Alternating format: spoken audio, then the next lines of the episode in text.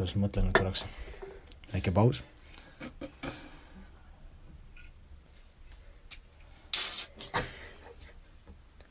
paus läbi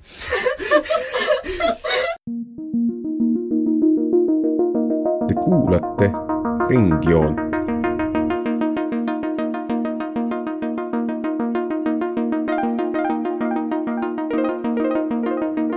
joon ringis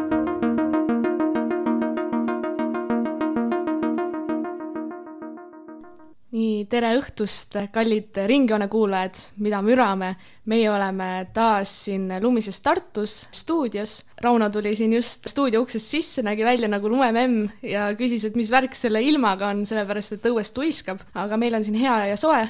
Olen siin koos Rauno ja Jan-Lukasega ja kui Helena on koos Rauno ja Jan-Lukasega stuudios, siis see võib tähendada kahte asja, kas me räägime Iisraelist ja Palestiinast või analüüsime USA valimisi või Ameerika Ühendriikide poliitikat ja täna on siis õnnelik päev, kus me räägime noh, eriti Rauno jaoks õnnelik päev, kus me räägime Ameerika Ühendriikide viimaste kuude arengutest. Ja puldis on Solveig, kes teieni siis kõik need Jan-Lukase ja Rauno mõtted toovad ja mina saatejuht Helena. on, on, on kolmas koht ka, mida me teeme või on kolmas tegevus ka, mida me teeme siis, kui meie kolmekesi oleme koos? aa, me oleme saunas. me oleme saunas yeah., täpselt. tegelikult ja kusjuures va... seda on olnud rohkem kui ainult sellel kahel korral kui sa tuletad meelde, siis, siis, siis oli ka mingi lambi seal laupäeva öösel, kui me käisime seltsis ja umbes, et panime sauna tööle ja siis lihtsalt läksime sinna. minu arust see oli seesama, sama raadio, kui, kui me tegime USA saadet ja siis me tegime enne seda USA, USA valimiste nagu, olime saunas. kas see oli esimene või teine nüüd? Teine, see oligi see, et me käisime saunas ja me lõpetasime saunaga, ehk siis see oli selline noh, nagu ringjoon oma olemuselt. wholesome oma olemuselt jah,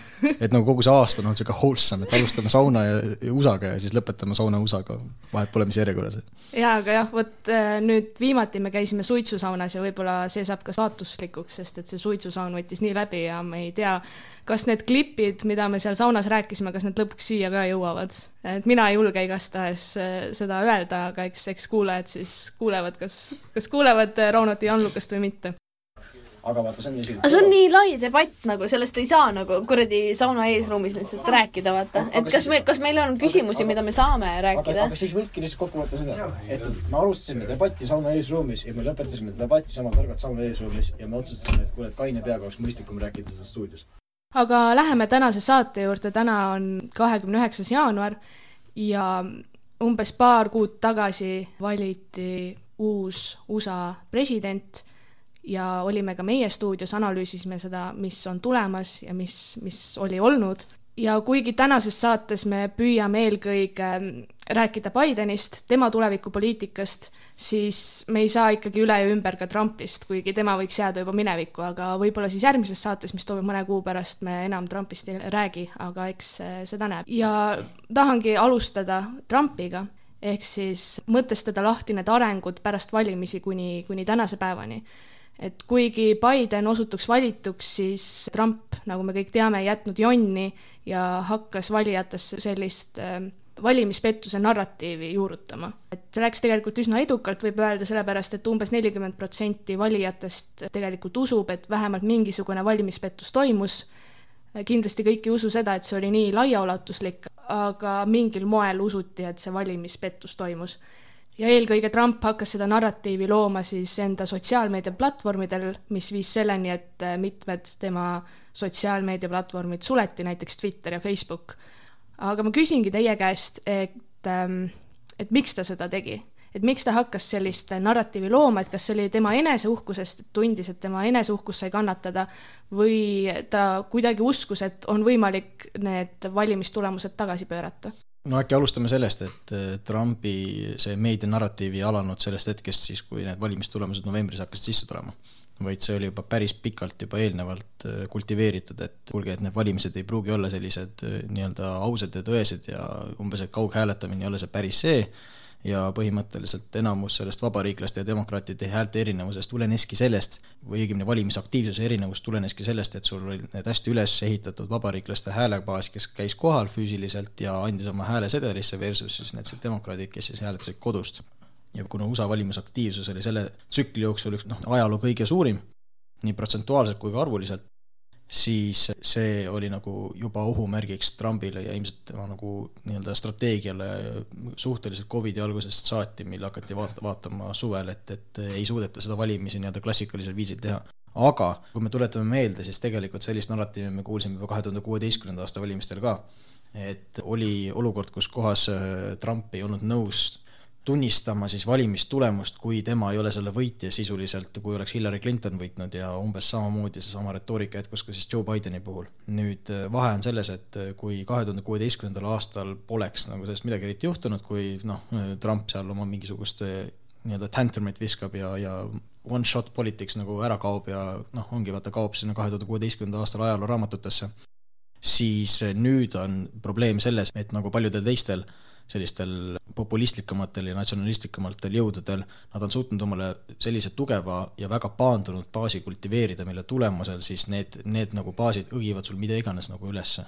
noh, ja see läheb juba sellesse rappa, kus kohas tarbime erinevaid meediaid ja mingisugune ühine tunnistus sellest, mis asjades toimub, on Ameerikas ja on laiemalt maailmast äh, hakkab puudu jääma. ja nüüd äh, me nägime väga selgelt ära, et kui sul see üks pool, kes on siis pigem,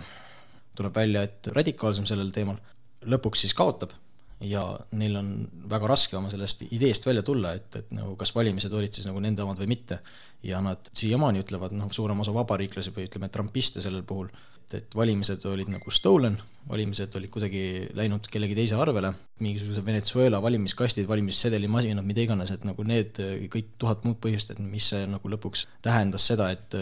Trump kaotas. ja no siis otsa veel kõike seda muud, vaata, mis siis Trump oma selle retoorikas jätkas läbi siin novembri, detsembri, jaanuari,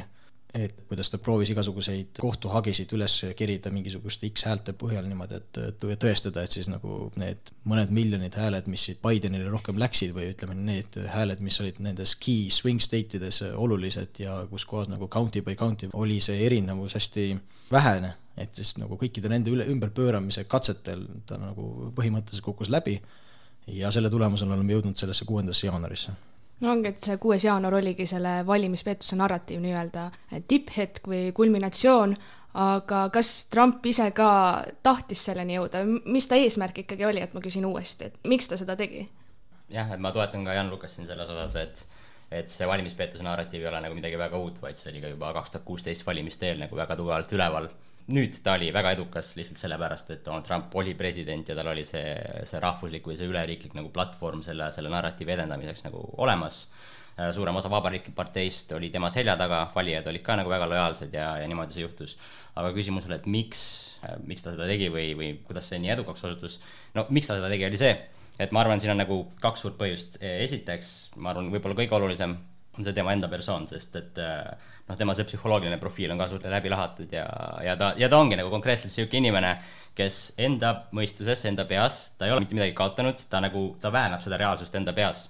ja kui ta nagu kaotas presidendivalimised, siis see on see miski, mida ta ei saa nagu väänata kuidagi, et tegelikult ta võitis.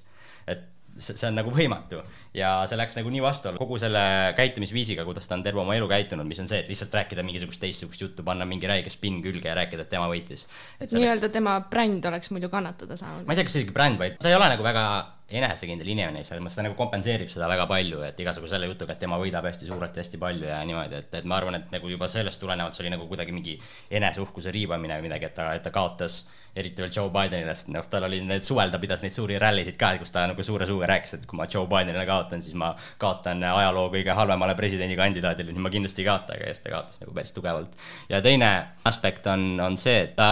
ta lihtsalt tahtis president edasi olla, kui kummaline see ka ei oleks, sest kui vaadata nagu tema tegevust, siis presidendi amet võib-olla ei ole kunagi see, mida ta väga nagu teha oleks tahtnud, et ta nagu päris palju olnud huvitatud nendest tegevustest, et see, see oli võib-olla jällegi miski, et niisugune suur riiklik äh, platvorm, mille põhjal siis enda brändi jälle tutvustada kõigile, ma ei tea, äkki suuri summasid kokku lükata. põhimõtteliselt jah, et ametis püsimine oligi nagu see ka teine lõppeesmärk muidugi no kui me jõuame nüüd äh, kuuendasse jaanuarisse, siis mida see ikkagi näitab?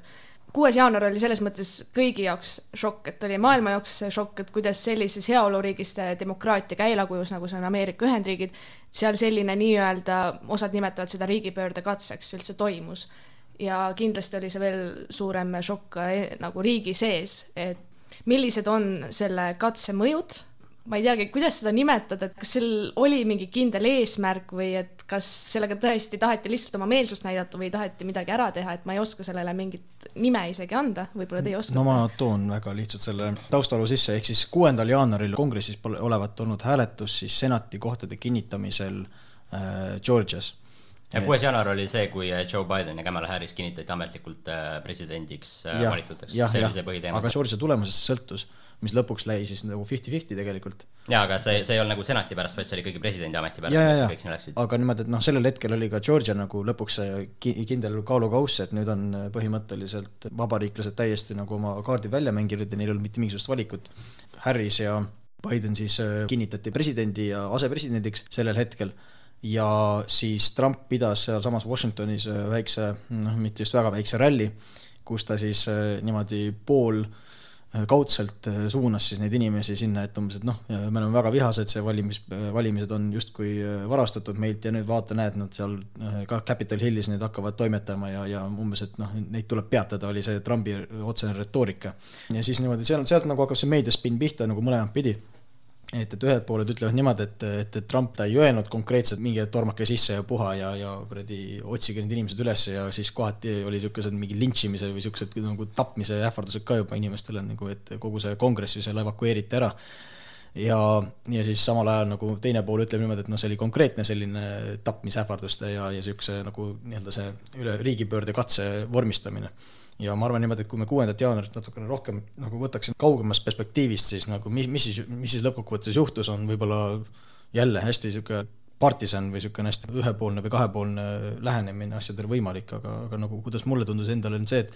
Trump viitas sellele, et minge ja möllake veidikene, hirmutame neid inimesi selleks, et näidata, mismoodi see trumpistide võim ikkagi on olemas. ja noh, ütleme nentida võib, et, et see on ikkagi päris nagu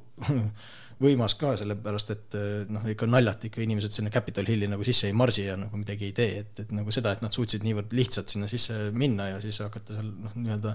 ringi kolama ja tuusama ja umbes, et mingisuguseid office eid seal niimoodi natuke reidima, et see on nagu tõesti väga-väga esmakordne. ma mõtlengi seda, et need riiklikud ja demokraatlikud institutsioonid on ameeriklastele väga pühad ja et kui sa ikkagi lähed nagu kättpidi kallale sellele, siis see tähendab väga palju mm. -hmm. no see on sellest, et ega Trump justkui väitis ennast olevat ju see train the swamp stiilis inimene, kes äh, toob need riiklikud institutsioonid äh, nii-öelda tagasi oma õigesse kohta, mis siis tähendab seda, et need nagu justkui ei opressi seda niisugust äh, noh, seda Trumpi valijat või ütleme, vabariiklast või laiemalt mingisugust niisugust väikest inimest, nagu nad ise nagu tahavad ennast nimetada. et nad läksid ikkagi nii-öelda süvariiki jah, nad, jah, nad, nad iseenda mõistes läksid ikkagi süvariiki puhastama ja nad siiamaani usuvad seda väga tugevalt, et mis nagu seal toimus, on, on, on justkui õigustatud, et nüüd lähme marsime sinna Capitol Hilli ja, ja näitame oma seda rahva tahet nii-öelda.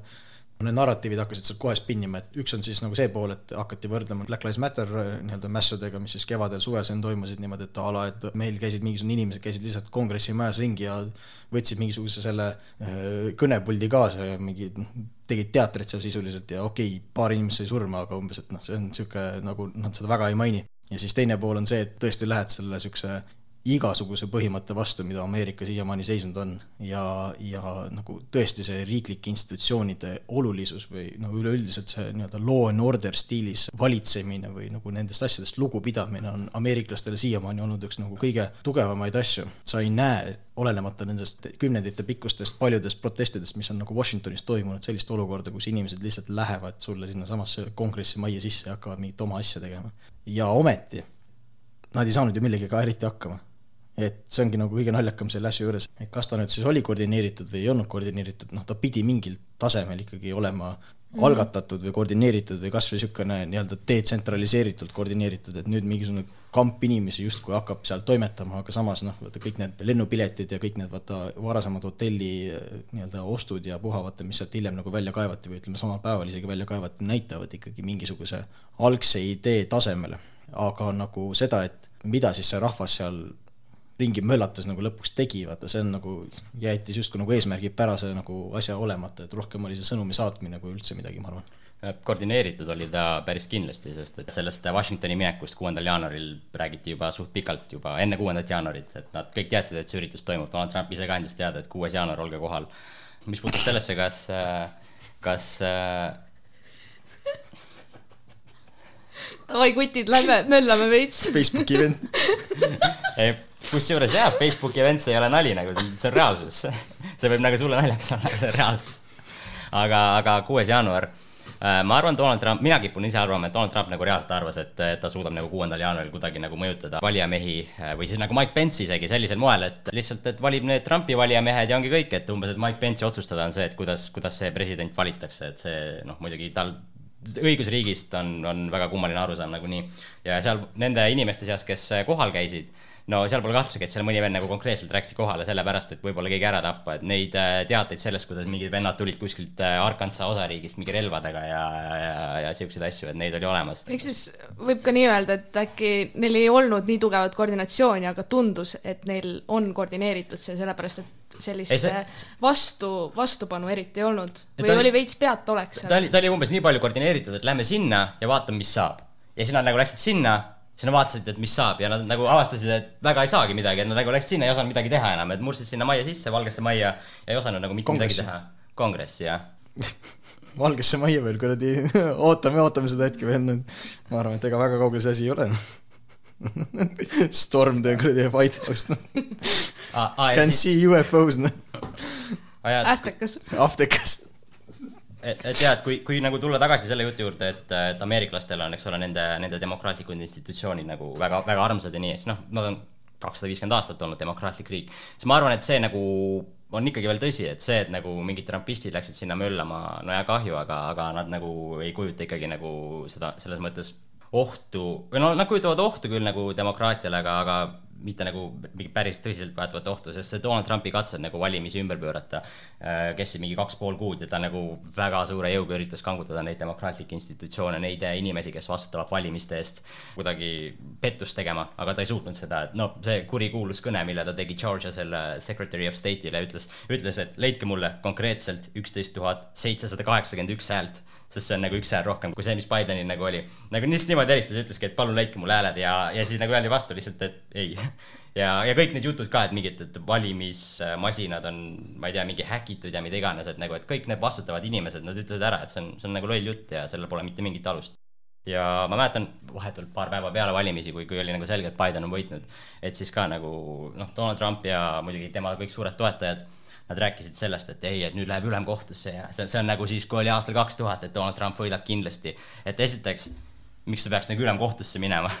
ülemkohtusse lähevad asjad, mis väärivad nagu ülemkohtusse minekut, see, et keegi nagu väidab valimispettust, ei tähenda, et ta jõuab sinnamaani mingisse ülemkohtusse välja. ja lõpptulemus oli see, et ei jõudnudki, sest kõik see, mis nad varem esitasid, see oli nagu puhas rämps lihtsalt. ja no midagi isegi üritasid ülemkohtusse saata ja ülemkohus ükshäälselt, kõik üheksa kohtunikku lihtsalt kuidagi ühe lausega lihtsalt nagu lükkasid selle, selle põrandalt maha ja oligi kõik, et nagu rohkem seda ei arutatud. et ja kusjuures tuleb arvestada seda, et äh, ülemkohtus on üheksa kohtunikku, kellest on Trump nagu kolm tükki isiklikult määranud. Ja nagu üldse mitte kedagi ei huvitanud see nagu nendest kohtunikest see, et kelle poolt nad määratud on, vaid see, see nagu näitaski selle, selle kohtuvõimu nagu iseseisvust, et äh, vahet polegi nagu, kes siin määrab, kohtuvõim nagu ikkagi noh, ennekõike seisab põhiseaduse eest, mitte, mitte mingi presidendi või tema, tema isiku eest jah, siin on tõesti nagu kogu selle kuuendast jaanuarist alates, eriti kuuendast jaanuarist alates nagu tsükli jooksul on, on väga nagu oluline täheldada kahte asja, et kui tugevalt tegelikult õigussüsteemi justkui ennast nagu rünnati ja et see ikkagi vastu pidas. ja see, ma arvan, nagu suht nagu mi- mi- minu silmis nagu suur kiitus Ameerika Ühendriikidele, et nagu nende, nende see demokraatlikud institutsioonid nagu tegelikult jumala hästi vastu pidasid sellele, sellele päris kõva raputusele. aga kujuta ette, kui oleks teistmoodi olnud. et nad ei oleks vastu pidanud, mida siis nagu oleks juhtunud, lähebki kodusõjaks lahti või? Või või. nagu noh, see, see, see on täiesti absurdne tegelikult, mismoodi see seda, seda on nagu suht raske ette kujutada, et kui nagu reaalselt olekski, et, et sul keegi võidab valimised ja siis president lihtsalt ütleb, et aga ei ja nii edasi, et nagu kes teab, mis siis saaks, ma ei tea, ei taha mõelda ka. vähegi autoritaarsemas riigis oleks asi ilmselt aga, aga ongi, et, et sellest on kusjuures ka arutatud, et okei okay,, et praegu oli nagu Donald Trump, eks ole, ta üritas, ta fail'is, aga noh, ta, ta oli nagu päris paljuski nagu eba, ebapädev isik, et ta lihtsalt nagu ei osanud asju teha, aga mis siis juhtub siis, kui tuleb keegi, kes on nagu Trump, aga erinevalt Trumpist ta nagu, ta on reaalselt nagu kaval poliitik, ta nagu oskab. You smart. jah, ei, nagu jah, et see on hästi noh, ongi huvitav seda kuuenda jaanuari puhul ja mis seal nagu aftermath oli, on see niimoodi, et Trump nagu põhimõtteliselt täiesti hävitas iseenda igasuguse maine sellega ära. et kui nagu alguses või enne, enne seda kuupäeva oleks olnud veel see hetk, et jah, et oli president, ma ei tea, ei saanud hakkama, sai hakkama, vahet pole, vaata, et no kellele, kuidas. Ja, ja siis lõi oma trianglit ja trambuliini sellel hetkel siis, kui ta lõpuks valimisi ei võitnud, aga noh, siiski lõpuks lõpetab ära ja läheb oma sinna Floridasse või kuhu iganes äh, pensionile ja, ja võib-olla proovib siis paari aasta pärast uuesti niisugune kibestunud mingi vanamehe ilme justkui oleks jäänud siis, siis nagu nüüd läheb ta ajalukku kohe kindlasti sellise ülimalt ohtliku demokraatia elemendina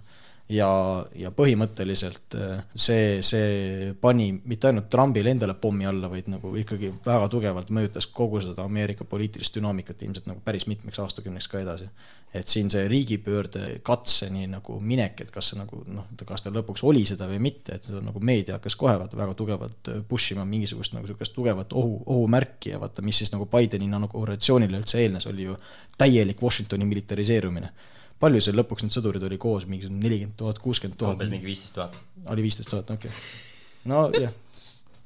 katib selle välja. ei kati. kurat, no mina ei mäleta, jumal küll, see, need numbrid on täiesti absurdsed, mis vahepeal seal ringi käivad. ja, ja vaata siis, mis juhtus, oli ju see, et, et, et Biden pidas oma selle inauguratsiooni ära sellele eelnes selline hästi suur karm nii-öelda hirm selle üle, et, et nagu mis nüüd saab, et trumpistid tulevad nüüd Washingtoni tänavatele ja hakkavad selle niimoodi rahvuskaardiga võitlema ja siis, et a la, et rahvuskaardis endas on ka ju noh, sõjaväelased pigem on sellised vabariikliku partei vaimuga, et, et nagu umbes, mis nüüd hakkab mingid defektorid seal olema ja puha ja siis nagu kirjutati üles selline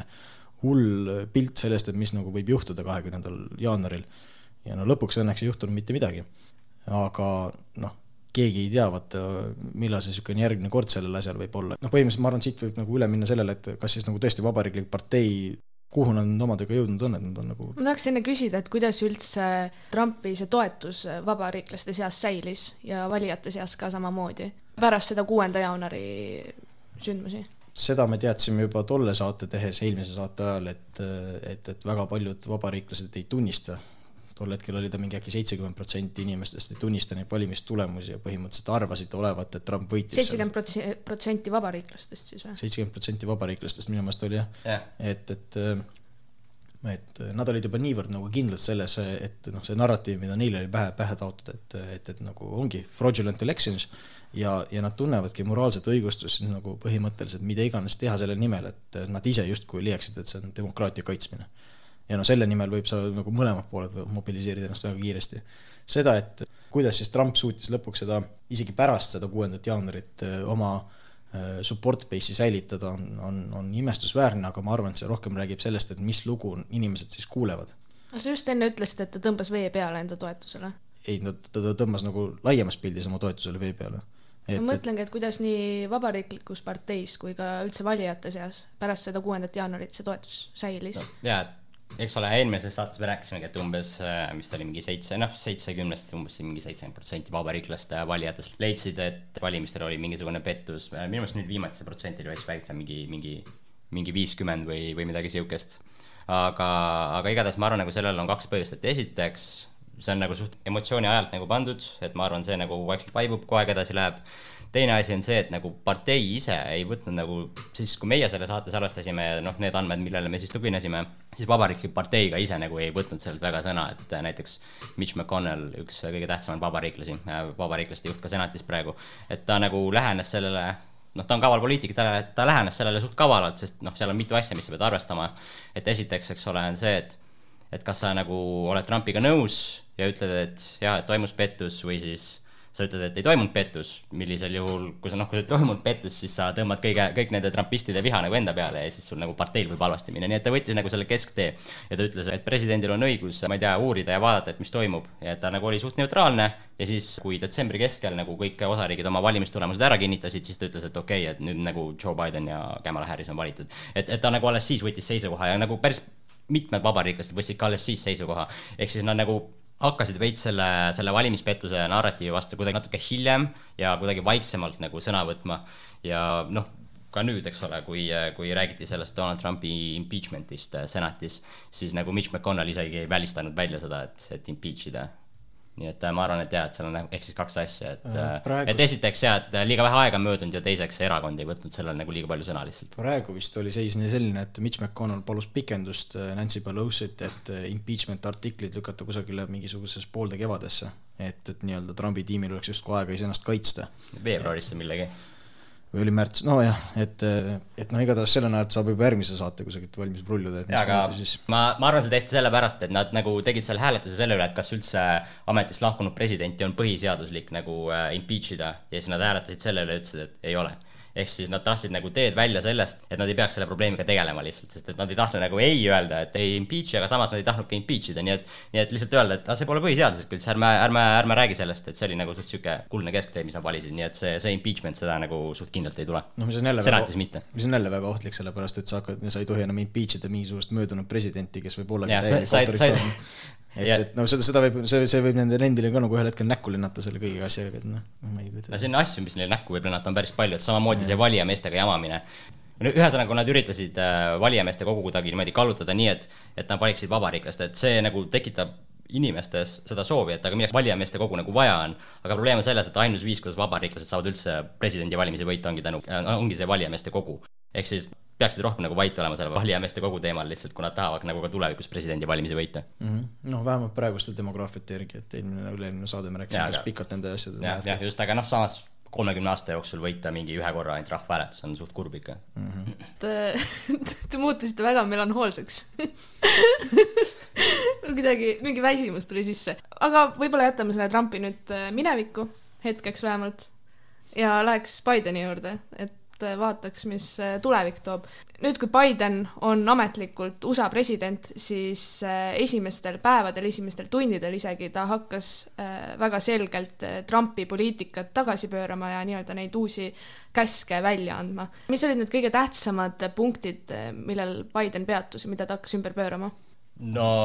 selles mõttes, kui sul on olnud ametis president neli aastat, siis on nagu mingid asjad, mida sa, okei okay,, sa võid ümber pöörata, aga mingid asjad, mida on nagu väga keeruline tegelikult ümber muuta. Välispoliitika osas no ilmselgelt nagu välispoliitika laiemalt muutub, aga nagu mingid kindlad sammud, mis ta astus nende executive order itega ehk siis presidendi määrustega, oli näiteks Pariisi kliimaleppega taasühinemine, kas ta ei ühinenud ka selle mm, Maailma Tervishoiuorganisatsiooniga Jah. ja, ja noh, teine siseriiklik eh, võib-olla asi, mis ta tegi, oli, oli see Trumpi piirimüüri projektile nagu kriipsu peale tõmbamine mm. -hmm. ja seal noh, neid äh, määruseid on päris palju andnud juba praegu mingi kolmkümmend, aga iseenesest see ei ole nagu, Biden ei ole nagu esimene president, kes seda teeb, et seda on absoluutselt iga president teinud, kes ametisse astub, et äh, et ta lihtsalt annabki kiirelt kohe mingeid määruseid välja, et need, need noh, ühesõnaga annab nagu föderaalasutustele suunised, et millega nüüd tuleb tegelema hakata. jah, see on presidentaalse võimu üks parimaid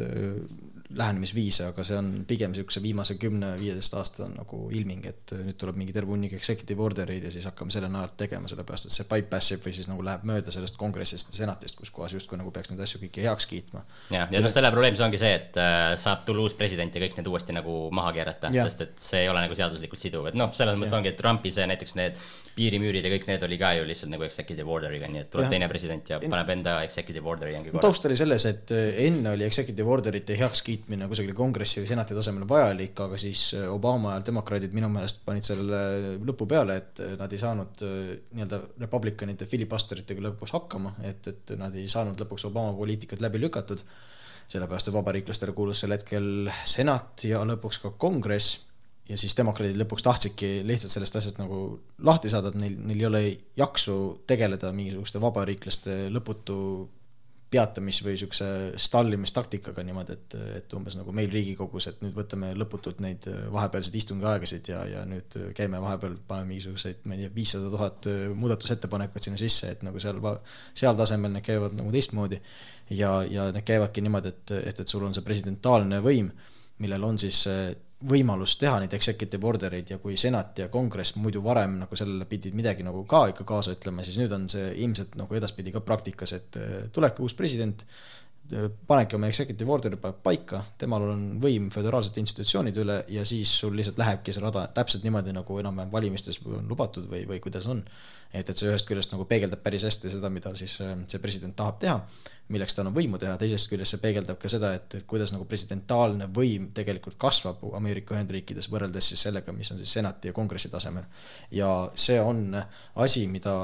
tegelikult mõlemad osapooled kardavad sellepärast et sul tuleb teine president ja nüüd kujuta ette, kui iga valimistsükli või iga kahe valimistsükli järel siis nagu see president vahetub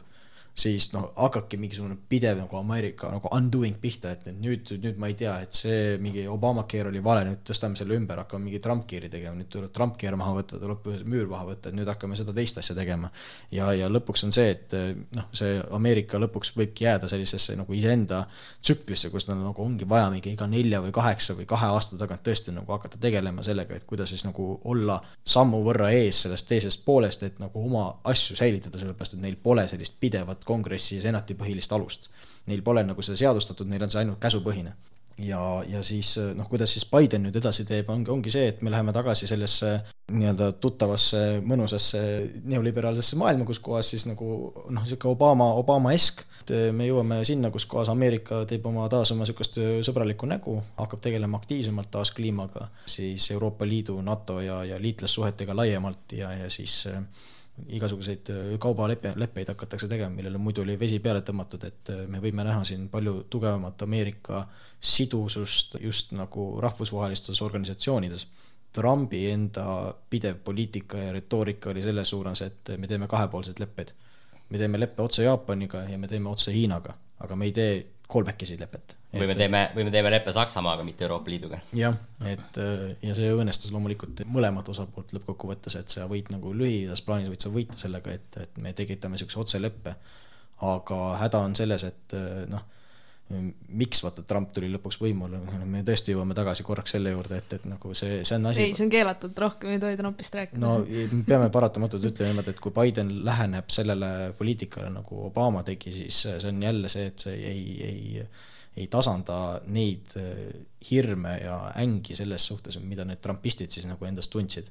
et vaata, mille najalt tegelikult see movement hakkas liikuma. ja, ja nagu meie võime noh, hõisata tõesti, et öelda, et jah Biden on parem, Biden on igatpidi nagu mõistlikum inimene, keda maailma areenil näha ja, nagu lõppkokkuvõttes, et eh, mis siis nagu Ameerika sisepoliitikas toimub, siis me loodame, et see demokraatide enamus kõikidel valitsustasemetel vähemalt need järgmised kaks aastat nagu toimib piisavalt kaua, et me suudaksime uuesti jõuda tagasi sellesse rahvusvahelisse rütmi, nagu me oleme siiamaani nagu olnud harjunud seda tegema ja Trumpi aeg on loodetavasti mingisugune erandlik nagu kõrvalpõige sellest kõigest. selles mõttes USA on ju tegelikult ikkagi sellise mitte küll nii radikaalselt, nagu tegi seda Trump, aga ta on äh, isolatsionalistliku välispoliitika teel. näiteks see, et ta nõuab äh, NATO liikmesriikidelt ikka kaks protsenti ja nii edasi ja, ja hakkab võib-olla vähem äh, mingites erinevates kriisides, konfliktides maailmas sekkuma, siis see ikkagi ju jätkub. või see on see, mis nagu Trumpi ajastult võib-olla kaasa tuleb et, et mingil määral kindlasti on äh, Biden rohkem avatud ja võib-olla siis Põhja-Korea ja Venezuela juhtide asemel hakatakse Euroopa Liidu juhtidega jälle suhtlema, aga ikkagi ollakse võib-olla rohkem kinnised, sest see on olnud üleüldisem tendents juba viima-, viimase kümnendi jooksul. ma ei tea, ma ütleks isolatsioon, ma lugesin mingit artiklit äh, selle kohta, kus Trumpi välispoliitikat kirjeldati kui bilateraalselt, ehk siis nagu see jutt, mis just äh, Jan Lukas rääkis, ehk siis tegeletakse ainult kahe riigiga, et nad nagu ei tõmba tagasi, aga aga nad ei kaasa institutsioone, vaid nad tegelevad otse riikidega ja aga ma usun, et Biden ise kavatseb kindlasti rohkem äh, institutsioonidega tegeleda, et et eh, noh, seda, seda näitab kas või juba see, et eh, Maailma Tervishoiuorganisatsiooniga taasliitutakse, Pariisi kliimaleppega taasliitutakse, et, et ta muutub jälle niisuguseks multilateraalseks lähenemiseks pigem rahvusvaheliselt. jaa, aga mul tuleb meelde, et mingi hetk, see oli suht esimestel päevadel, mingi kahekümne esimese, kahekümne teise jaanuari kanti meil siis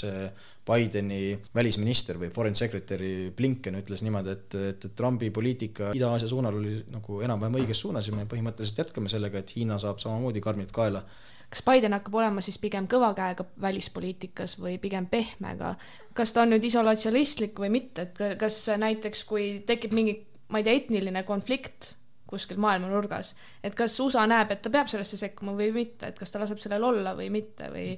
või kui Venemaa näitab jõulist poliitikat Euroopa suunas, siis äh, kas Biden on pigem see inimene, kes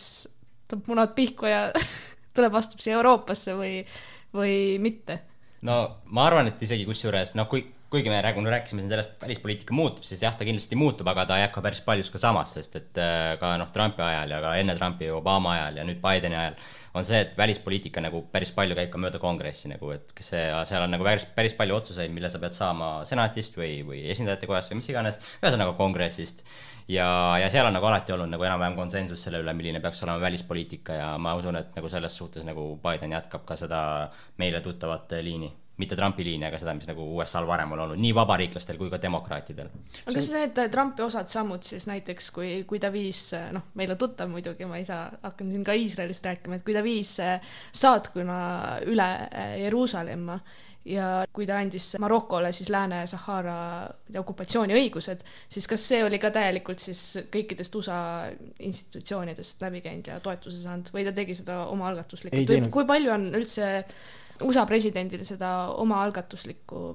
äh, võimalust käituda? Lähis-Idas on suhteliselt palju, aga vahe on selles, et äh, mis on selle motivatsioon tegutsemaks ja see on suhteliselt teada asi, et äh, Ameerika kongressis ja presidendi tasemel, eriti vabariiklaste hulgas on iisraellaste lobi on väga tugev. ja äh, demokraatide puhul, kes on noh, teatavasti Palestiina-meelsemad, siis, siis nagu nende hulgas ei ole seda sammu, ei oleks olnud seda sammu teha, et nüüd lähme Jeruusalemma ja lükkame seal lipu püsti, et see on, see on nüüd see õige pealinna pool. aga neil nagu midagi selle vastu otseselt ka ei ole, et. ja ei no nende rahad täituvad nagu väga, väga, väga mõnusasti niimoodi, et nad saavad seal väga hästi hakkama, aga see okei okay,, me räägime juudi lobist, aga selles mõttes, et Biden ütles ju, et ta tahab hakata seda poliitikat ümber pöörama jaa, aga ma arvan. siis ei ole juudi lobi või? ei no see on, see on lihtsalt retoorika, et nagu me lihtsalt nagu eh, Trump, eh, mida ta tegi, ta ju viis mingisugused valitsusosakonnad või mingisugused eh, saatkonna osakonnad viis sinna Jeruusalemma, aga need olid osaliselt juba varasemalt seal olemas. noh, Biden lihtsalt ei vii kogu seda saatkonda sinna, vaid jätab selle Tel Avivi ja põhimõtteliselt see olukord külmeneb ja, ja ega midagi muud seal eriti ei juhtugi. olulisem on pigem see, et vaata mitte kus kohas see pealinn on, vaid seda, et kas Ameerika siis hakkab nagu noh, kui palju raha lõpuks Iisraeli suunal läheb ja siis selle poliitika on, on väga nagu lobi, lobipõhine ja noh, ilmselt ei ole oodata seda, et nüüd mingisugused meeletud massid hakkaksid juurde voolama sinna, aga nagu samas ei pruugi arvata, et nagu seda väga palju vähemaks ka jääks nagu umbes niisuguses üleüldises trendis. et, et äh, Iisrael on ameeriklastele siiamaani väga hea strateegiline partner Lähis-Idas ja nad kavatsevad seda rolli nagu võimalikult palju kinni hoida. ja kui nüüd Iisraeli tasemelt, tasemelt mõelda Ameerika peale, siis nagu nendel on enam-vähem kõik nagu hästi, et okei okay,, aga kuigi ma väga tahaksin veel Iisraelist rääkida, siis ikkagi ma suunaks selle energia praegu nende suuremate riikide peale, et Hiina, Venemaa ja üleüldiselt siis näiteks Lähis-Ida, võtame sealt Iraani, et millised hakkavad olema need äh, suhted USA-ga, võtamegi Venemaa alguseks, et kuidas äh, Biden hakkab Putiniga suhtlema. okei okay,, ma, ma kohe jõuan Venemaa juurde, aga lihtsalt kuna, kuna, kuna siin nagu rääkisite korraks Lähis-Idast, siis ma tõmban selle korra veits laiemaks ja ütlen, et et äh, on, on nagu Trumpi poliitikaid, mida Biden kindlasti järgib, see on äh, Hiina suhtes, äh, ma arvan, mingil määral Iraani suhtes, ma usun, et mis puutub nagu Lähis-Idasse, siis seal midagi muutub, aga nagu laias plaanis läheb samaks. Venemaa muidugi selles mõttes, et noh, Donald Trump ja Vladimir Putin nagu suured sõbrad, eks ole ka see asjaolu, nagu Jan mulle praegu arvutis, näitab see, et Putin nagu äh, õnnitles Bidenit alles äh, poolteist kuud peale valimisi, ehk siis noh, muidugi ta tahtis ma ütlen, pigem ta tahtis võib-olla rohkem, ütleme, niisugust segadust küll, no Ameerika ühiskond oleks no, veits, Putin erinevalt Trumpist ja Putinist nagu mingit suurest, suurteks semudeks ei hakka. poliitika nagu iseenesest laias plaanis, ma arvan, jätkub nagu see Trumpi välispoliitika Venemaa suunal ka, et nagu noh, president isik, see, mis president isiklikult tegi ja rääkis, oli nagu päris suures vastuolus sellega, mida tema administratsioon tegi ja mida kongress tegi, et ma usun, nagu siin, siin nagu väga midagi ei muutu no, noh, Venemaal üldiselt on väga hea võimalus praegu lihtsalt lükata oma noh, kõik tegevused hetkel kusagile nagu varju, et, et niikaua kui Ameerikas seal põleb põhimõtteliselt mingisugune suur tuli, et siis nagu ei ole mõtet hakata seda aitama seal kustutama või sinna mingit leeki juurde lükkama, et see on, see on noh, lihtsalt noh, las, las nad seal põletavad omaenda maja, et, et nagu see, see on kõik nagu väga hea Venemaa jaoks ja nagu välispoliitiliselt, niikaua kuni see kaos on seal siseriiklikult olemas, siis obviously tal nagu läheb hästi. jah, muidugi ma kujutan ette, et venelastel võib-olla nagu selle üle ei ole rõõm, et Valges Majas ei ole enam nagu keegi, kes, kes üritab nagu Lääne, Lääneliitu kuidagi purustada või, või õõnestada et äh, selle üle võib olla natuke kurb meel no,. Donald Vene... Trump tegi seda nii edukalt ju. noh, aga venelased on sellega harjunud, jumal küll, see oli Obama ajal oli ka täpselt samamoodi, et. jaa, aga noh, point, point on see, et äh, nad oleks eelistanud Trumpi Bidenile. jah, ilmselt, et, et nad said Bideni, aga noh, nad peavadki olema sellega arvestanud, sellepärast et see on lihtsalt poliitiline reaalsus, et mismoodi asjad toimivad ja jumal küll, kui sul on suvel või millal iganes on sul kaks kandidaati ees ja enam-vähem sa tead, mis suunas Ameerika hakkab liikuma, siis ei saa arvata seda, et Venemaa ei oskaks käituda enam selles keskkonnas et, et kuidas ta nüüd siin käitub, on see, et ta hakkab äh, push ima natukene rohkem ameeriklaste just nagu majanduslike huvide poolest, et näete, et teil on, teil on, te olete sanktsioneerinud siin meie kindlad inimesed ära ja, ja me tahaksime nagu nendest lahti saada, teeme mingisugused trade deal'id siin. Biden on püüdnud või minu meelest püüab praegu taaselustada seda new kuidas selle asja nimi oli, see New Start? New Start lepingut, et, et need tuumarelvad uuesti nagu külmutada ja põhimõtteliselt jätkata selle vana poliitikaga, nüüd probleem on selles, et venelased enam ei ole kõige suuremad mängijad sellega, et nüüd sinna tuleb see Hiina mängu. ei, aga minu arust nad tegid ju selle leppe ära. jaa, tegid leppe, Jaa, tegid leppe, leppe nad ära. et otsustasid pikendada seda mm -hmm. okei okay,, no siis on hästi. tegid Zoomi kõnet ja värki. tegid Zoomi kõnega, et let's not nuke each other, jess. teeme nii, et me ei, rohkem ei vajuta nupule. jah. Aga kus äh,, rääkides äh, nuppudest, mille peale saab vajutada, kas te teadsite, et äh, Donald Trumpi kabinetis oli üks punane nupp, mille peale sai vajutada? jaa, kas ta vajutas mis ka? nupp see oli? see oligi seesama nupp ju. ei, ei, see oli, see oli see nupp, kui sa vajutasid seda, siis äh, said tellida Coca-Colat sealt endale aga, aga, aga ta tegi nalja sellega, et see oli jumala hea nali, kusjuures oli see, et kui keegi küsis, et mis nupp see on, siis ta ütles, see on tuumanupp ja siis ta nagu vajutas Jaa, seda ja siis okei. toodi Coca-Colat. nojah, Biden tuli võimule ja siis ta lihtsalt vahetas enamus sellest mööblist kohe välja, vaata, mis seal polges. oota, kas ei ole meem, tal päriselt nagu Coca-Cola jaoks oli nupp ja või? no selles mõttes see, see nupp on nagu suht paljudel presidentidel olnud, aga Donald Trump kummalisel kombel kasutas seda Coca-Cola jaoks ainult. ma ei tea, mille jaoks president ilmselt vist kasut-, kasutas teda siis, kui neil oli midagi vaja või mis iganes, aga Donald Trump leidis, et ta kasutab seda Pepsi või Coca-Cola jaoks nagu. Ega jah, nagu Venemaa suunal jätkub ilmselt see vana poliitika nagu USA-l siiamaani kombeks on, et see, mis nagu retoorika tasemel on, see on nagu lõppenud ja siis äh, me võime eeldada, et USA toob natuke rohkem jõudusid ikkagi või noh, niisugust nii-öelda vaimset energiat sellesse eh, noh, Euroopa-Venemaa poliitika suunal üleüldiselt üle. Bideni all ilmselt ei oleks juhtunud selliseid asju nagu Mägi-Karabahhi see sõda, vaata, mis siin septembris oli, et ameeriklased lihtsalt vaatasid, et the fuck, türklased, venelased, armeenlased ja aserid leppisid seal äh, rahus kokku või, või no järjekordses vaherahus kokku siin november-detsember ja ameeriklastel ei olnud mitte midagi selle koha, kohta öelda. Et, et see näitab seda, et mismoodi realistlikult äh, Ameerika isolatsionismi poliitika on tegelikult viljeleb, et vaata, kui venelastel on midagi, noh, tõsi, see on nende niisugune, nagu nad ise tahaksid mõelda, on see nende ees või tagaaed, aga ega Ameerika huvid ju sellest väga kaugel ei ole ja, ja idee poolest või vähemalt kui me elaksime praegu umbes kümne või kahekümne aastases minevikus, siis Ameerika huvid oleksid väga konkreetsed selles regioonis olnud, sellepärast et tema kui maailma politseinikuga oleks siiamaani tahtnud ikkagi hoida pulssi peal, et nende huvid oleksid ka esindatud, vähemalt seda, et nende huvid oleksid dikteeritud. Et me võime eeldada, see on küsimus vastus sinu sellele küsimusele, et kui nüüd mingisugune kriis või mingisugune suuremat või väiksemat sorti konflikt peaks tekkima kusagil maailma nurgas, et kas siis nagu Ameerika võtab kätte ja hakkab sellesse sekkuma, siis ma arvan küll jah. et, et, et see nagu nii isolatsioonistlikuks ei ole asjad veel muutunud.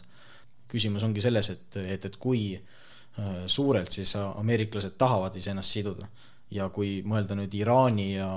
Lähis-Ida peale laiemalt, siis sealt ei saa arvata, et nad nagu justkui väga otseselt tahaksid oma nagu rusikat sinna sellesse kõigesse lükata, et pigem nad kasutavad oma proxisid, mis, milleks on siis saudid ja, ja iisraellased sellel puhul hästi tugevalt. ja noh, võib-olla tõesti võib eeldada, et Bideni all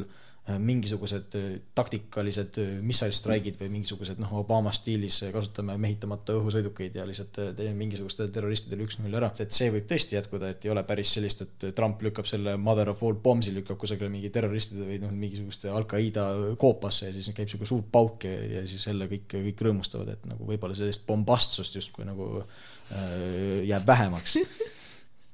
milline väljend. kui, kui äh, muidu noh, Venemaast ja Euroopast rääkida, siis kui ma, kui ma mõtlen praegu, siis ma võib-olla näen ühte asja, mis võib äh, probleemiks kujuneda nagu USA, Euroopa, Venemaa nagu selles äh, ma ei tea, trios või,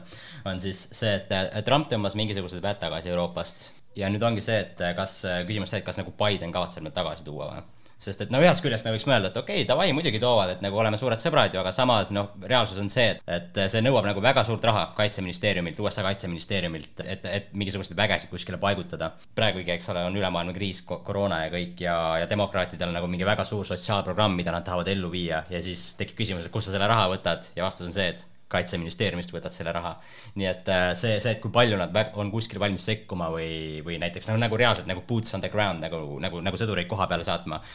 on, on nagu see, kus võib probleem tekkida tegelikult, et nad ei, võib-olla ei pruugi seda teha nii, nagu meie siin Euroopas tahaksime loota. vähemalt mitte sellises suures mahus ja aga Euroopa puhul me ei saagi eeldada, et siin hakkab mingisugune suur konventsionaalne konflikt pihta, kus ameeriklastel oleks vaja kohapeal olla. et, et see oli nii Obama-aegne retoorika kui ka nüüd siis Trumpi-aegne väga konkreetne näide sellest, et eurooplased ei saa Ameerikale nõjatuda ja sealt see kaks protsenti NATO-t, sealt see kõik nagu, mida nagu eurooplased, kuhu nad liiguvad mingisuguse suurema sõjalise ettevalmistuse poole ütleme niimoodi, et ega nagu rootslased siin ka nagu ilma põhjuseta ei hakka oma seda kaitsekulutusi siin tõstma, sellepärast et, et nüüd nagu justkui nad tunnetavad, et nüüd järsku on Venemaa nagu oluline, et ei, see on sellest, et lihtsalt nad, et nad ei saa loota enam nii palju Ameerikale. ei, aga okei okay,, see, see ei ole selle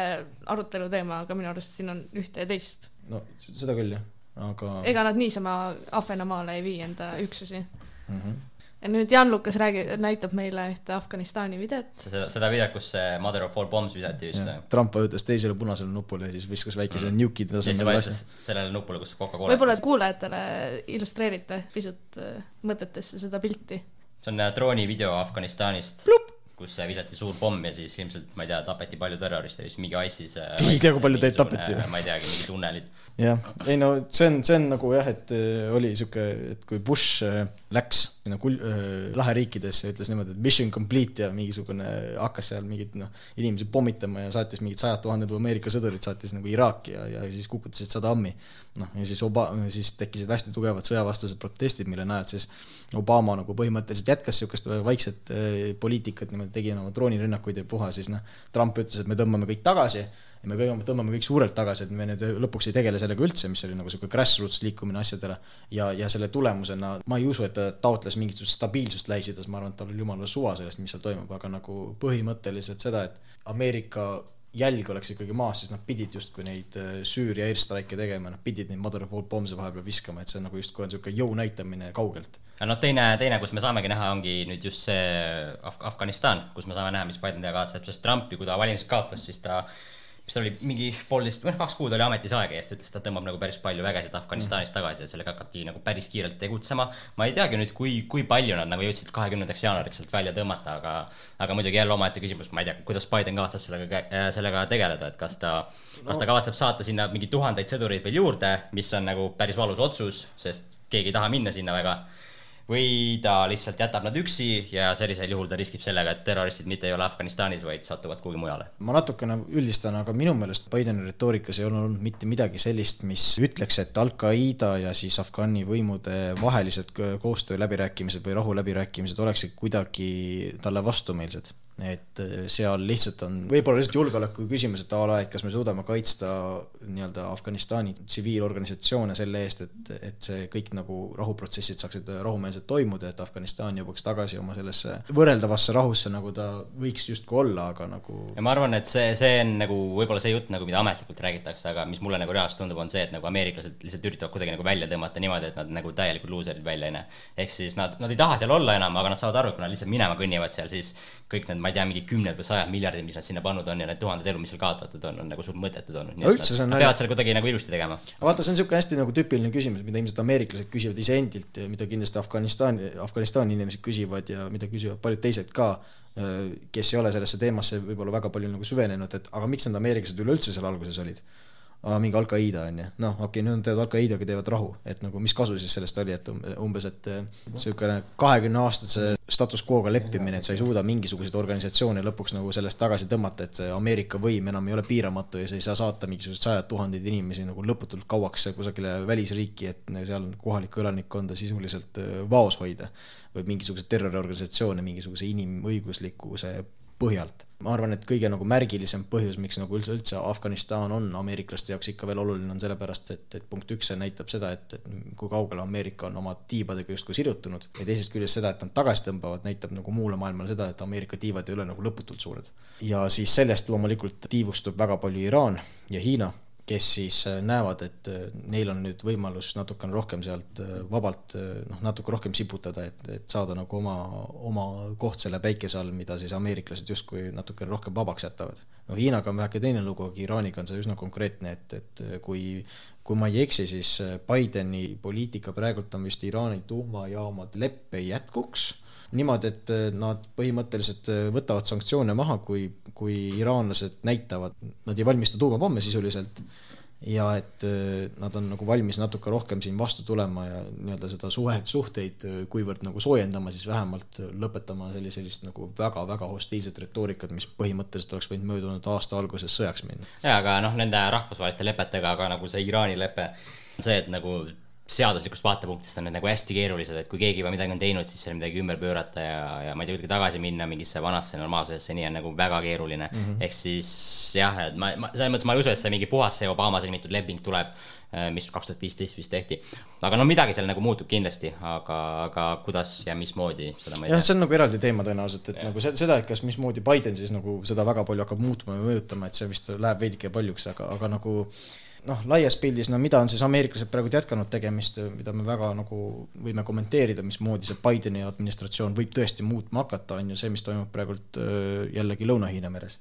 esimest korda on ameeriklaste äh, carrier force ehk siis nagu nii-öelda lennukikandjate laevastiku vägi on, on, on sinna Taiwan'i ja Hiina vahel ennast poetanud ja sõidab seal ringi. et kui varem olid need niisugused väiksemad laevad, hävitajad ja fregatid, kes siis natuke seal ringi sulistasid, siis, siis nüüd on, nüüd on nagu see, et nüüd, nüüd me näitame, et Taiwan on nagu täielikult olemas ja puha ja, ja kui just selle kuuenda jaanuari sündmuste taustal enam-vähem siis üks, üks nendest callback idest või umbes, et ei, ärge vaadake sinna kongressi poole või seda, et nagu kuradi inimesed märatsevad seal kongressis, et vaadake, näed, Taiwaniga tehti just leping, et umbes, et me nüüd hoiame suudame ja toetame seda, et nagu seda, et Biden sellest nagu tagasi tõmbaks, noh, on väga huvitav jälgida, et see on, see on nagu, mis nagu ilmselt kõige määravam osa sellest poliitikast saab olema et no jah, et kui, kui nagu kokku võtta, siis põhimõtteliselt, mis me nagu USA välispoliitikas, ma leian, võime näha, on see, et nagu toon kindlasti muutub, tulenevalt juba presidendi isiksusest. ma arvan, sisu poolest Hiina ja Venemaale lähenemine, ma arvan, niivõrd ei muutu äh,, Lähis-Ida, ma usun ka noh, vist, vist väga ei muutu, et ühesõnaga nagu välispoliitika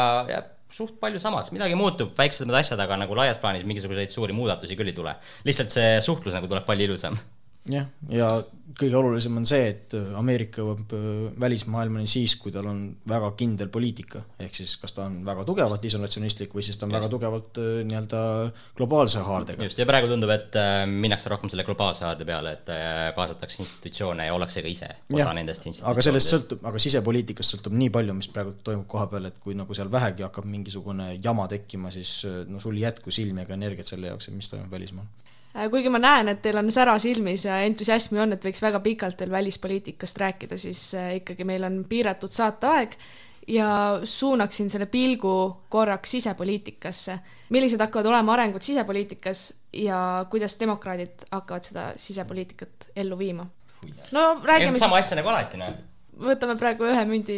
kaks poolt või no me räägime samast asjast põhimõtteliselt. no see on, see on peaaegu nagu võrreldav sellega, mis praegult Eestis nagu valitsuse muudatus toimub, et meil on üks väga niisugune natsionalistliku laadiga ja väga konservatiivse või kohati tagurliku väljavaatega valitsus on välja vahetanud mingisuguse teise valitsusega, mis siis nagu soov, soovib olla edumeelne, ma ei tea, küberi kuradi rohelistel teemadel ja nii edasi mm et, et noh, enam-vähem neid äh, laia pintsliga neid jooni võib tõmmata ka nagu siis äh, USA-le, kus kohas siis noh, mis on, mis on Bidenile ja demokraatidele laiemalt oluline, on ju seega, et, et, et punkt üks Covid, nad saaksid selle kontrolli alla. praeguse seisuga, kui me räägime siin kahekümne üheksandal jaanuaril, siis USA-l tegelikult läheb paremini kui näiteks Euroopa Liidul laialt et, et neil on rohkem inimesi vaktsineeritud selle najalt, aga neil on ka väga-väga palju surmasid. Et, et neil vist ületas see mingi neljasaja neljakümne tuhande surma vist praegult äh, mingi mõne päeva eest ja siis äh, noh, keegi ei eelda, et et see nagu väga tugevalt muutuks, aga ameeriklased loodavad vist praeguse seisuga, et kusagil aprilli teiseks pooleks on suuremad keskused enam-vähem vaktsineeritud ja et äh, jõutakse siis tagasi mingisuguse vanale tasemele. seda, et siin Euroopas on mingisugune jama, vaata nende Pfizerite ja, ja siis selle AstraZenecaga, et, et äh, ameeriklastel sellist nagu häda ei ole, neil on need kohalikud äh, vaktsiinitootjad üsnagi oma käpa all ja need võivad lasta mida iganes nagu sellel hetkel, kui nad tahavad. kus, kusjuures ameeriklased on teinud seda, mida Euroopa Liit nüüd ähvardas teha või kavatseb teha, mis on see, et nad ei luba vaktsiine enda riigist välja, enne kui nende enda varud on olemas. Ameerika, sellepärast ka näiteks Kanada toetub täiesti Euroopa Liidule enda, enda vaktsiinides, mitte Ameerikale või noh, USA-le, sest USA lihtsalt ütles, et ei. ja ameeriklaste vaktsiini tootmine loomulikult siis läheb nagu mitte ainult ameeriklastele endile, vaid põhimõtteliselt kogu nagu lääne, lääne poolkiirele sel hetkel, kui nad on ise lõpetanud. et, et ja aa, no kusjuures naljakas on selles, et ameeriklaste hulgas on ju neid anti-vaxxereid väga palju. et, et noh, mismoodi siis see nagu see on tõesti naljakas. see, see, see, et, et see, see teeb siukse naturaalse selection, et Arvin oleks ilmselt õnnelik selle asja peale. jaa, aga noh, põhimõtteliselt jah, kaks nagu ongi kaks suurt asja, millega siis ma ei tea, demokraatidel vähemalt tegeleda on vaja, kuna nemad on valitsuses, on see, et koroonapandeemia on vaja kuidagi hakkama saada sellega. Teine asi on see, millest me siin varemalt oleme juba rääkinud, on see, et äh, noh, ma ei tea, võib-olla nagu ühiskonna terviklikkusega tegelemine. võib-olla majanduslik stiimul oleks võib-olla äkki parem öelda siinkohal mm,. jah, kusjuures jaa, sellega ka, et nagu senatis ka praegu vabariiklased, senat, vabariiklased ja demokraadid kaklevad omavahel, et kui, kui suured need stiimulid peaks olema ja kas need peaksid olema korduvad mm -hmm. ja, ja, ja niimoodi. noh, mingi märgiline asi, mida siis äh, vahepeal Bideni puhul esile tõstetakse, on see, et tema üks esimesi executive order eid oli see, et tuleks see viieteist dollariline miinimumpalk föderaalsel tasemel. Ja et ja siis noh, üleüldiselt maski kandmiskohustus föderaalhoonetes. maski kandmiskohustus jah, see on nagu suhteliselt äh, märgiline, aga ta ei ole nagu väga pika aega kesk, kestev, sellepärast et see on lihtsalt niisugune rohkem mm. mitte, mitte sümboolne, aga niimoodi, et see ei ole väga pikalt siduv siis, kui see Covid lõpuks läbi on, aga nagu see viieteist dollariline miinimum wage nagu see on siin, et jääda, jaa, jah, seda küll, jah. ja noh, sotsiaalpoliitiliselt Biden lubab olla ja ta on teinud juba neid executive order'id sellel teemal, et inimesed oleksid paremini kindlustatud ning et seda raha jõuaks rohkemate inimestele kohale., ja, aga midagi, ma ei ole, ma ei ole väga tuttav selle teemaga, aga midagi seoses ka õppelaenudega oli äh, Bideni ja demokraatidel üldse väga suur teema, mingi osa õppelaenust kustutada või, või, või midagi siukest. no taustaks, et ameeriklastel on väga suur häda sellega, et äh, nende erakoolide ja eraülikoolide süsteem ja üleüldse ülikooli hariduse süsteem laiemalt on hästi kallis ja ta kvaliteet ei ole osaliselt võrreldav nagu sellega, mis on nagu siin Euroopas, Eestis või, või mujal maailmas pakutakse, eriti selle nagu hinna pealt, et äh, sul on ülemakstavad äh, välismaa ülikoolid, eriti kes siis nagu ehitavad mingisuguseid staadiumeid ja mingisuguste oma grantide eest loovad üldse mingit oma kraami ja, ja need on tüpp, tippülikoolid, kui kõik tahavad, Ivy League. jah, ja olenemata sellest, et missuguse hariduse sa sealt saad, siis, siis nagu nende eeskostel on põhimõtteliselt suurem osa Ameerika ülikoolide süsteemist, välja arvatud siis public universities on liikunud selle peale, et, et me ongi ülikooliharidus on väga kallis, inimesed, kes sealt lõpuks välja tulevad, olenemata sellest, mis kraadi nad saavad, olgu nad insenerid või, või humanitaarid, et noh, kõik on põhimõtteliselt ühe puuga löödud, et davai, et teil on mingisugune kakskümmend, nelikümmend, kuuskümmend, kaheksakümmend tuhat dollarit student debt'i ja see poliitika on viimase kolmekümne aasta jooksul väga nagu mõjukalt neid milleniale või noh, ütleme meist umbes kümmekond aastat vanemaid inimesi mõjutanud. Ja mille tulemusena on Ameerikas suur sotsiaalne probleem, kus kohas inimesed ei suuda tööd leida või siis maksta oma varasemaid laene ära ja see käib nii house mortgage itele kui ka nagu siis student debt loan idele kui ka siis väga paljudele muudele laenudele, sellepärast et ameeriklastele umbes natukene niisuguse lõuna-euroopalikult meeldib kole palju laenata, sellepärast et need on nagu alati kindlad oma palgas ja see nagu igavene kasv nagu nende mõttelaadis on alati olemas ja, ja siis näha seda, et kuidas nad ei suuda sellega hakkama saada, on üks nendest asjadest, mis on nagu demokraatidele laiemalt võetud nagu platvormi aluseks, et meil on see sotsiaalne ebavõrdsus ja et me peame seda kuidagi adresseerima ja, ja kuna Biden esindab ikkagi demokraate nii kõige nagu progressiivsemaid kui ka nagu siis justkui neid konservatiivsemaid demokraate, siis ta, tema kui sihuke middleman candidate'ina pidi tegema midagi sellist, mis natukene niimoodi loobib raha sinna, sinna suunas, kuhu seda lubati ka. ja ma arvan, kui nagu sisepoliitika kokku võtta, siis äh, siis äh, võime öelda, et tsentristid võidavad, sest et äh, ei demokraatide, progressiivid ega vabariiklaste trumpistid ei, ei suuda nagu senatis äh, nagu üksi midagi teha. ehk siis kuna see kamber on ka nagu võrdselt jagatud praegu fifty-fifty, siis tsentristid on need, kes võidavad sest et noh, kui sul võib olla näiteks demokraatide poolel mingi hull progressiiv, kes no, ei ole nõus, mingi leiab, et liiga lahja on, siis siis sul nagu vabariiklaste poolel on omakorda teised tsentristid, kes nagu on nõus ja, ja nii see no, käib. parem oleks küsida seda, et kas nagu status quo võidab või mitte mis sa status quo all silmas pead? ei, ongi tsentrism, et jah, ma arvan selles mõttes küll, jah. et, et see parteide omavaheline lõhenemine, noh eriti siis praegu vabariiklaste puhul võib mängida väga palju rolli järgmise kahe aasta jooksul, et, et kui sul on neid sügavalt lojaalseid trumpiste, kes hakkavad täiesti omaette teemat rajama ja kelle toetus on väga tugev ja nagu sealt, sealt sa võid nagu mida iganes oodata, et need inimesed on, on puhtad populistid, erinevalt sellest varasemast neo, neokonservatiividest, kellega me siiamaani Mitch McConnelliga eesotsas oleme harjunud et, et, et noh, nende endi omavaheline kaklus nüüd sellel noh, tulevikus määrab väga palju seda, et mismoodi siis noh, kurat, kes teab ka, võib-olla äkki demokraadid nüüd said siukse meediapaugu alla, et, et nagu nad on, saavad kõik järgmised valimised kinni lükatud, aga nagu seda ma ei usu, sellepärast nojah, ta, tavaliselt need vahevalimised presidendil on alati halvad olnud, et ma ei tea, ma ise,